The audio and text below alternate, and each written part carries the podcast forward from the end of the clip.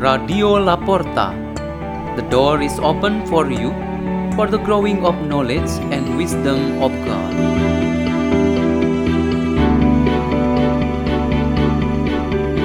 Delivered by Andi Situmorang and Mr. Dermawan from St. Peter's School in Jakarta, Indonesia.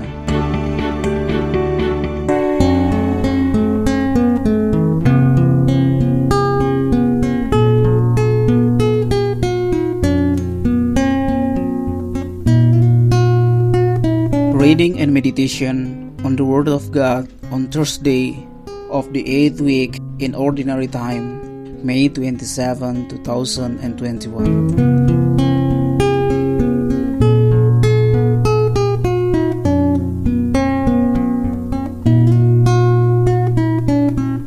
The reading is taken from the book of Sirach, chapter 42, verse 15 until 25.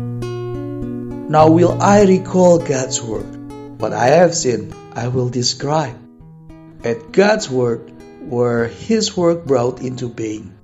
They do His will as He has ordained for them. As the rising sun is clear to all, so the glory of the Lord fill all His works. Yet even God, holy ones, must fail in recounting the wonders of the Lord, though God has given this, His house, to strength to stand firm before His glory. He plumbs the deep and penetrates the heart, their innermost being He understands. The Most High possesses all knowledge and sees from the of all the things that are to come. He makes known the past and the future and reveals the deepest secret. No understanding does he lack, no single thing escape him. Perennial is his almighty wisdom. He is for all eternity one and the same, with nothing added, nothing taken away. No need of a counselor for him. How beautiful are his works, even to the spark and fleeting vision. The universe lives and abide forever to meet its need. Its creature is perceived. All of them differ one from another, yet none of them has he made in vain. For each in turn as it comes is good. Can one ever see enough of their splendor? The word of the Lord.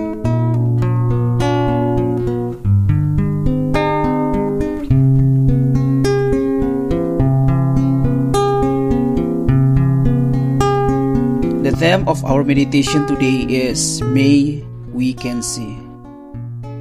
The eyes of our bodies are windows to the world, while the eyes of our heart are the door to the way to heaven. It was the conclusion of the spiritual instruction given by a seminarian to the member of the acolyte in particular meeting session. After hearing that, an acolyte asked a question. This is unfair because blind people cannot see the world. How can we justify the window is really something for them? The seminarian did not feel at a loss to be able to answer that question. With confidence, he said, The people who help the blind indeed have bigger and wider window so that through them the blind can get to know the world just like a normal people. Everyone who heard the seminarian answer understood that matter and the session proceed to another discussion. If we follow the book of Sirach in today's first reading, that the sun and all the universe are truly the fruit of the work of God power in our life. The eyes of normal people should be so lucky, while blind people are very unlucky. What evidently special about the word of Sirach is that all the fruit of God's word are basically complementary. In fact, there is no shortage of anything because God had made everything complete for one to another. In reality, there are people who are blind, as in the gospel account today about the blind beggar named Bartimaeus. But there are people around him who talk to him and who lead him to Jesus. This picture should become very clear to guide us to conviction that the small, poor, sick, and neglect are not left by God without the care and help of others. All normal and healthy people actually have responsibility to be a solution for others who are experiencing depression and various kind of difficulty. There is a particular sign that gives us an explanation about complementing each other in our life so that we remain convinced that God really made everything good and beautiful. People who have defined uh, in the eyes of the body, namely they are blind, reminded special to God and fellow human being because they have the eyes of their heart that lead themselves to God. Bartimaeus opened his heart to God. All believers and all of us who meditate on the Word of God today have eyes of heart for God and also for our neighbors. With the eyes of our heart, our faith grow to become a genuine faith.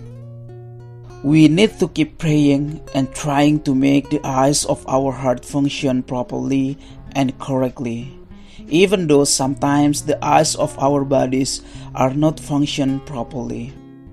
In the end, we can attain salvation through the eyes of our heart. Let us pray. In the name of the Father, and of the Son, and of the Holy Spirit. Amen. O Jesus Christ, Bless us so that we can see with our heart all the glory of God that is in every moment of our lives. Glory to the Father, and to the Son, and to the Holy Spirit, as it was in the beginning, is now, and ever shall be, world without end. Amen. In the name of the Father, Son, the Holy Spirit. Amen. Radio La Porta. The door is open for you.